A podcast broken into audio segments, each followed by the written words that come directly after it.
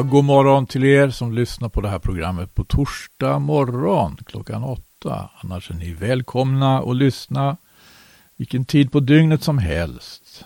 Det är ju en, ett program som det blir en podd av och den går att hitta sedan på Maranataförsamlingens hemsida.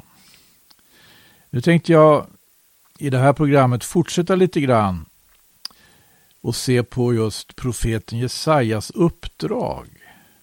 Det är ju faktiskt det uppdrag han får som sedan eh, och det sättet som han får sitt uppdrag på, det Gud säger till Jesaja i Jesajas bok kapitel 6.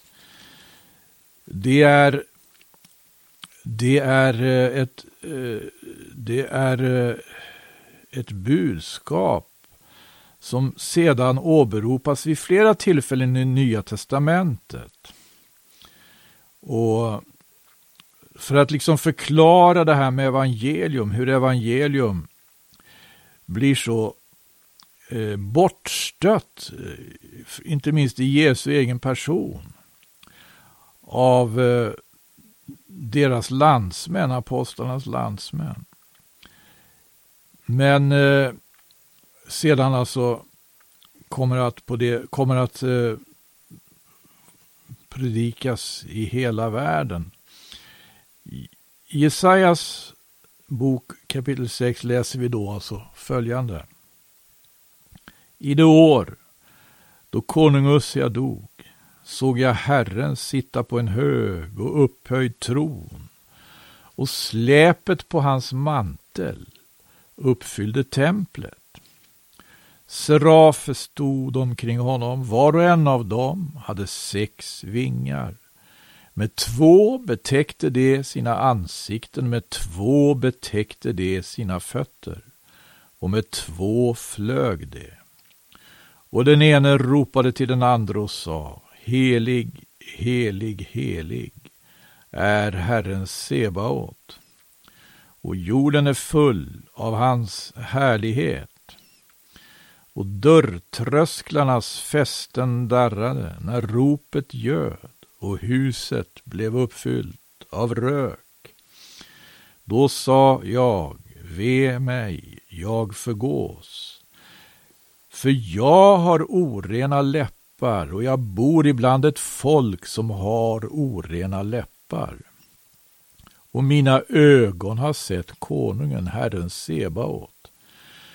Men en av seraferna flög fram till mig och, när han hade, och han hade i sin hand ett glödande kol som han med en tång hade tagit på altaret. Och han rörde därmed vid min mun. Därefter sa han, Se, då nu detta har rört vid dina läppar har din missgärning blivit tagen ifrån dig och din synd är försonad. Och jag hörde Herren tala och han sa, vem ska jag sända och vem vill vara vår budbärare? Och jag sa, se, här är jag, sänd mig. Då sa han, gå och stad och säg till detta folk, hör alltjämt, men förstå inte, se alltjämt, men förnim inte Förstocka detta folks hjärta och tillslut dess öron och förblinda dess ögon så att de icke kan se med sina ögon eller höra med sina öron eller förstå med sitt hjärta och omvända sig och bli helat. Men jag sa, för hur lång tid, Herre? Han svarade, till dess att städerna blir öde och utan någon invånare och husen utan folk och till dess att fälten ligger öde och förhärjade. Och när Herren har fört folket bort i fjärran och ödsligheten blir stor i landet och allenast en tiondedel ännu är kvar däri, då ska denna ytterligare förödas såsom en terebint eller en ek av vilken en stubbe har lämnats kvar. När den fälldes, den stubben ska vara en helig säd. Det är några saker att lägga märke till i det här kapitlet. Och det står att i det år då konung Ussia dog, Ussia var ju Juda konung. Juda konung, han eh, stod i det här ledet av konungar av Judas stam. I det år då han dog så fick profeten se Herren sitta på en hög och upphöjd tron. Säg viss föraning om, eh, om Jesus, den som blev kallad för judarnas konung. Det var ju vad Pilatus frågade honom, han hörde om det här. Det första Pilat, den första fråga som Pilatus ställer till honom enligt alla fyra evangelierna. Är du judarnas konung? Och när han sedan blev korsfäst, ja då så låter Pilatus sätta upp eh, eh på korset då detta meddelande. Jesus från Nasaret, judarnas konung. När, I det år då konung Ussia dog då, hur ska man kunna tillämpa det? Jo, när juda konung dör, då uppenbarar sig Guds härlighet. När Jesus dog, då innebar det så väldigt mycket. Därför att det var på det viset som synden, som Gud tog itu med synden på ett avgörande sätt. Och med fienden, med Satan och med hela denna världen. När Jesus dog så uppenbarade sig Guds härlighet. Han dog, han blev begraven, han uppstod på tredje dagen. Här får i alla fall profeten Jesaja se Guds härlighet, där han får se Herren sitta på en hög och upphöjd tron och släpet på hans mantel uppfyllde templet. Står om serafer här, serafer som stod omkring honom. Och vi ska återkomma till det. Det blir här en uppgörelse profeten får göra då med sig själv. Eh, och bekänna sin synd. Och vi ser att han får sin synd förlåten. Och sen så i åttonde versen står det Jag hörde Herren tala och han sa Vem ska jag sända?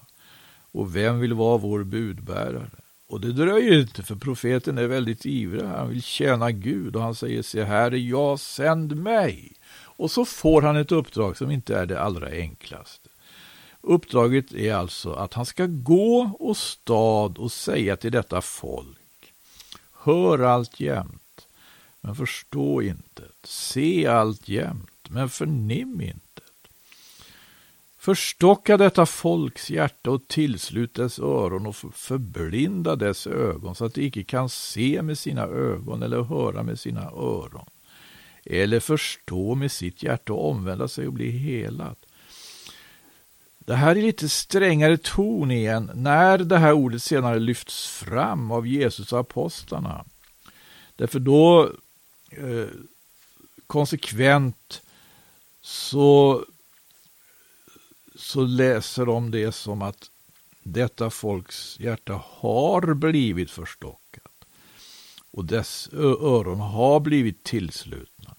Men eh, det, det, kan ju vara en följd av då olika omständigheter, men i det här fallet så står det att det kommer som ett uppdrag från Gud att förstocka.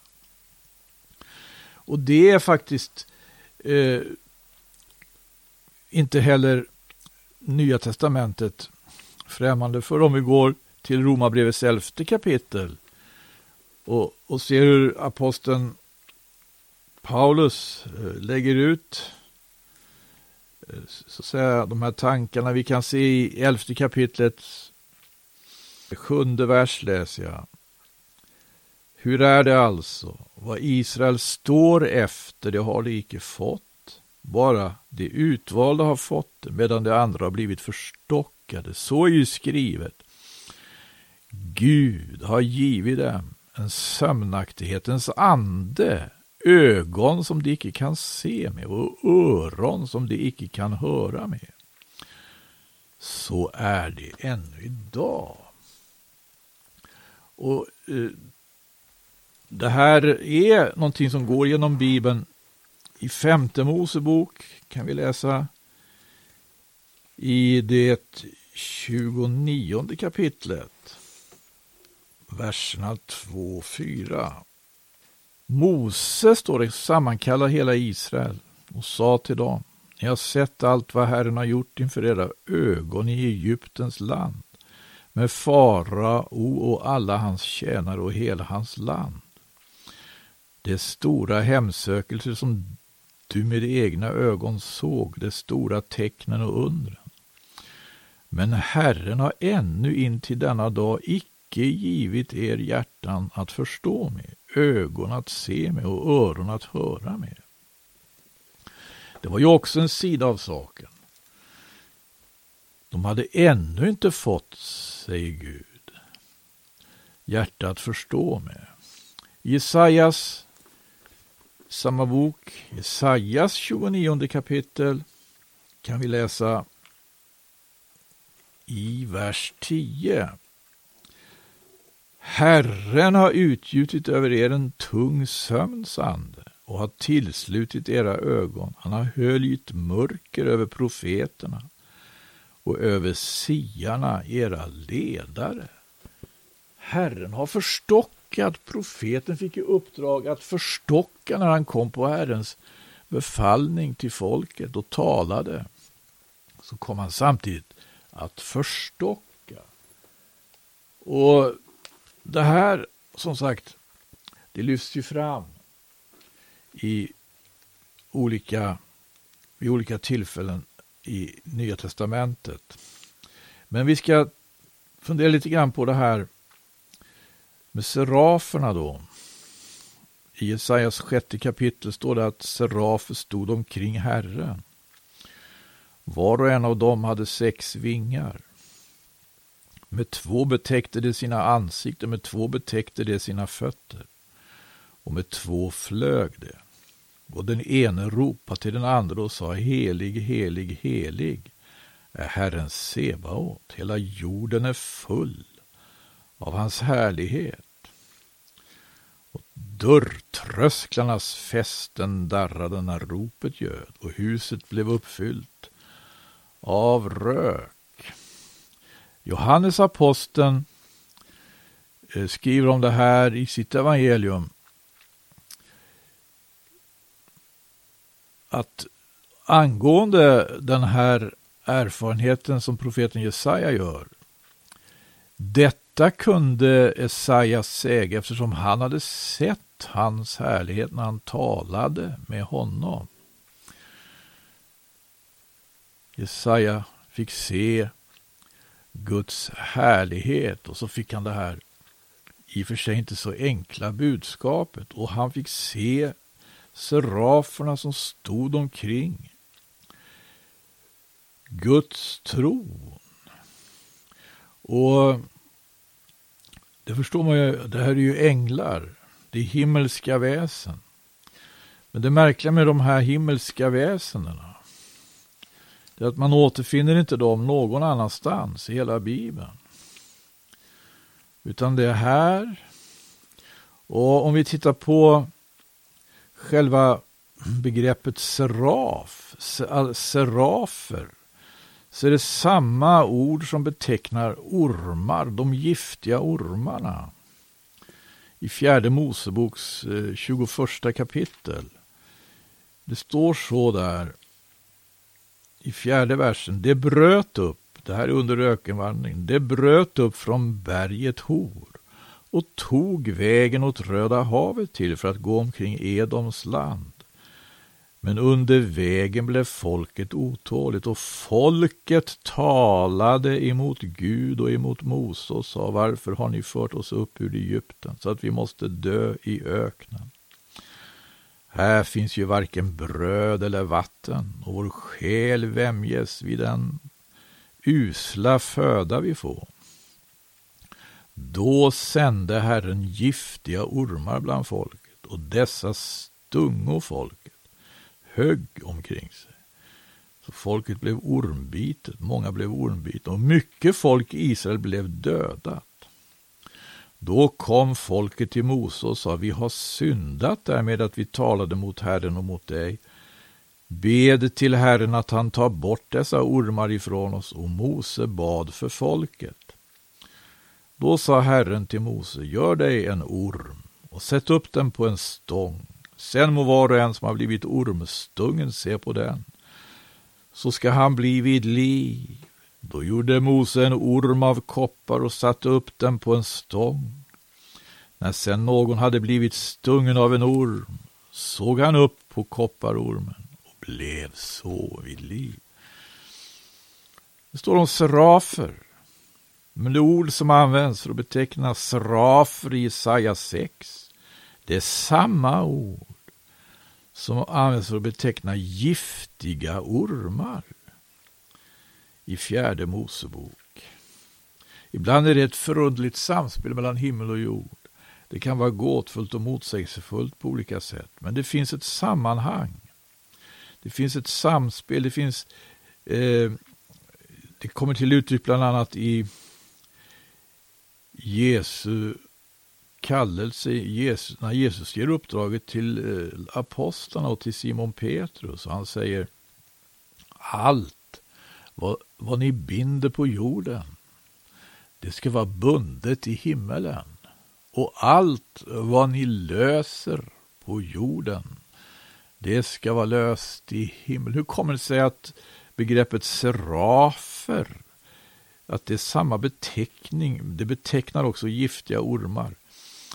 Eh, saker och ting eh, är ibland inte så lätt att förklara, men det är faktiskt samma ord som används. Och jag tänker på just det här eh, sällsamma ibland, samspelet mellan himmel och jord. Här handlar det också om att binda och lösa. I Jesajas sjätte kapitel. Men vad som orsakade att de här ormarna dök upp i fjärde Mosebok, det var ju faktiskt att eh, folket börjat knota och, och, och uttrycka sitt missnöje och tala, står det, mot Herren och mot hans tjänare Mose. Och det är ju faktiskt också så i Jesajas tid, att det är många som talar mot Gud. Man talar mot Gud och Jesaja får själv eh, avslöja det här. Vi kan se Jesajas boks 22 kapitel. Det heter så i verserna 12-13, i tolfte versen. Herren, Herren Sebot kallade er på den dagen till gråt och klagan, till att raka era huvuden och hölja er i sorgdräkt. Men istället hängav ni er åt fröjd och glädje. Ni dödade oxar och slaktade får, ni åt kött och drack vin, ni sa låt oss äta och dricka, ty morgon måste vi dö. Ja, det var ju verkligen riktat mot Gud, för Gud hade ju helt andra tankar, ser vi. Och i 28 kapitlet i samma bok, Jesaja bok, där har vi det här, den här attityden och det här sättet att eh, uttrycka så att säga sitt motstånd. I nionde versen i 28 kapitlet i Jesaja. Vem är det då han vill lära förstånd och vem ska han få att ge akt på sin predikan? Är vi då nyss avvanda från modersmjölken, nyss tagna från modersbröstet? Det är ju gnat på gnat, gnat på gnat, prat på prat, prat på prat, lite här, lite där. När man läser Jesajas budskap i gamla kan man faktiskt få det intrycket att han hoppar hit och dit och det verkar inte vara någon riktig, så att säga, eh, linje alls. Men så ska man alltså inte uppfatta honom. Det ska man inte. Och vi, vi, vi får också veta här att Gud kan verkligen tala på ett sätt ibland som som kanske inte ser eller verkar så övertygande. Men man måste ändå vara väldigt uppmärksam. Javäl, genom stammande läppar och på ett främmande tungomål ska han tala till detta folk. Och det var ju faktiskt det ordet också som aposteln Paulus påminde om när han undervisar i Korintien om hur en andlig gudstjänst verkligen bör gå till. En gudstjänst där Guds ande är närvarande och aktiv. Och han undervisar om tungotalet. I trettionde kapitlet eller 29 kapitlet sa jag nu det här nu. Och då ska vi läsa vers 15. Ve er som söker dölja era rådslag för Herren i, i djupet och som bedriver era verk i mörkret, ni som säger vem ser oss och vem känner oss? Hur förvända är ni icke? Ska då leret aktas lika med krukmakaren? Ska verket säga om sin mästare? Han har icke gjort mig. Eller ska bilden säga om honom som har format den? Han förstår intet. Det var också ett sätt att tala på, definitivt riktat mot Gud. Tala så mot Gud, och då dyker de giftiga ormarna upp. Nej, här så var det serafer. De gav profeten ett uppdrag, men det var inget enkelt uppdrag. I kapitel 30 i Isaias bok från åttonde versen så gå nu in och skriv detta på en tavla som må förvaras ibland dem och teckna upp det i en bok så att det bevaras för kommande dagar, alltid och evinnerligen. För det är ett gensträvigt folk, trolösa barn, barn som inte vill höra Herrens lag, utan säga till siarna, upphör med era syner och till profeterna, Profetera inte för oss vad sant är. Tala till oss sånt som är välbehagligt. Profetera bedrägliga ting. Vik av ifrån vägen. Gå åt sidan från stigen. Skaffa bort ur vår åsyn Israels helige. Och det här var väldigt anti-Gud, får jag lov att säga. Va? Skaffa bort och så den här eh, uppmaningen eh, Upphör med era syner, profetera inte för oss vad sant är. Tala till oss sådant som är oss välbehagligt. Profetera bedrägliga ting. Upp, de uppmanas att profetera bedrägliga ting. Jesaja mötte det här.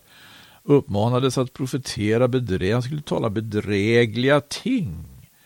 Det som behagade människor. Och det här vek han inte in på att göra. Men det vet vi att Jesus och apostlarna varnar för att i ändens tid ska många komma och göra det. Många falska profeter ska uppstå och förvilla många. Man ska föra ett språk och tala på ett sådant sätt att det liksom passar människoöron. Men Gud talar inte på det sättet. Och det budskap han har sänt, det är ju för att omskära vårt hjärta. Och det handlar om en ny födelse, en förvandling som gör att vi är i stånd att lyssna till Guds ord och fortsätta lyssna och ta vara på budskapet. När man vände sig mot Gud och mot hans tjänare Mose, står det i fjärde Moseboks 21 kapitel. Då dök de giftiga ormarna upp. Serafer heter det på, i grundtexten. När man talade mot Gud och mot hans tjänare i Jesaja tid, då dök seraferna upp. Har samma namn. Och då får profeten ett budskap och han får ett uppdrag. Och det här går igenom hela Nya Testamentet. Vi läste i förra programmet om hur Jesus påminner om det i Matteus evangelium. Även i Markus och Lukas, i Johannes och hur aposteln Paulus påminner om det här budskapet också i Apostlagärningarnas sista kapitel. Och vi ska titta framöver tror jag, lite på de här sammanhangen. Eh, och i vilket sammanhang det här lyfts fram. Det är helt uppenbart att det här kommer ju fram då just det här skedet då det hela börjar. Som en förklaring till att evangelium inte tas emot av alla. Men det, det är väl en förklaring som håller allt jämt in i vår tid. Och eh, det profetiska ordet säger faktiskt att ju längre tiden går, ju närmare vi kommer Jesu tillkommelse så kommer inte människor att upphöra att tala mot Gud och mot dem han har sänt. Nej. Utan det här kommer att vara någonting som hör till själva den, själva den stora, så att säga, slutuppgörelsen, då Herren Jesus kommer. Det här enligt Juda. Juda skriver så här i sitt lilla brev i Nya Testamentet. Då han påminner om Henoks profetia, profeten Henok, den sjunde från Adam. Det här skär i våra öron att höra om då vi alldeles, alldeles för mycket alltså har insupit darwinism och utvecklingslära och tänker om eh, forna tider att det var mer neandertalare än e- Enok på den tiden. Men nej, Enok ska vi inte förakta. Enok ska vi lyssna till, menar Juda. Och det står så här i fjortonde versen. Om dessa var det också med Enok den sjunde från Adam profeterade och sa Se, Herren kommer med sina mångtusen heliga och för att hålla dom över alla och bestraffa alla de ogudaktiga för alla de ogudaktiga gärningar som de har övat i ogudaktighet övat, står det egentligen och för alla de förmätna ord som de i sin syndiga ogudaktighet har talat mot honom. Det är eh, verkligen allvarligt att ta till sig eh, det här budskapet. Eh, vi vet, det finns mer att säga om det här, men jag ser att tiden har gått. Men jag vill inte försumma att få med det här från Johannes evangeliets tredje kapitel, vers 14 och 15. Så som Mose upphöjde ormen i öknen så måste människosonen bli upphöjd för att var och en som tror ska i honom ha evigt liv. Tack ska ni ha. Gud välsigne var och en.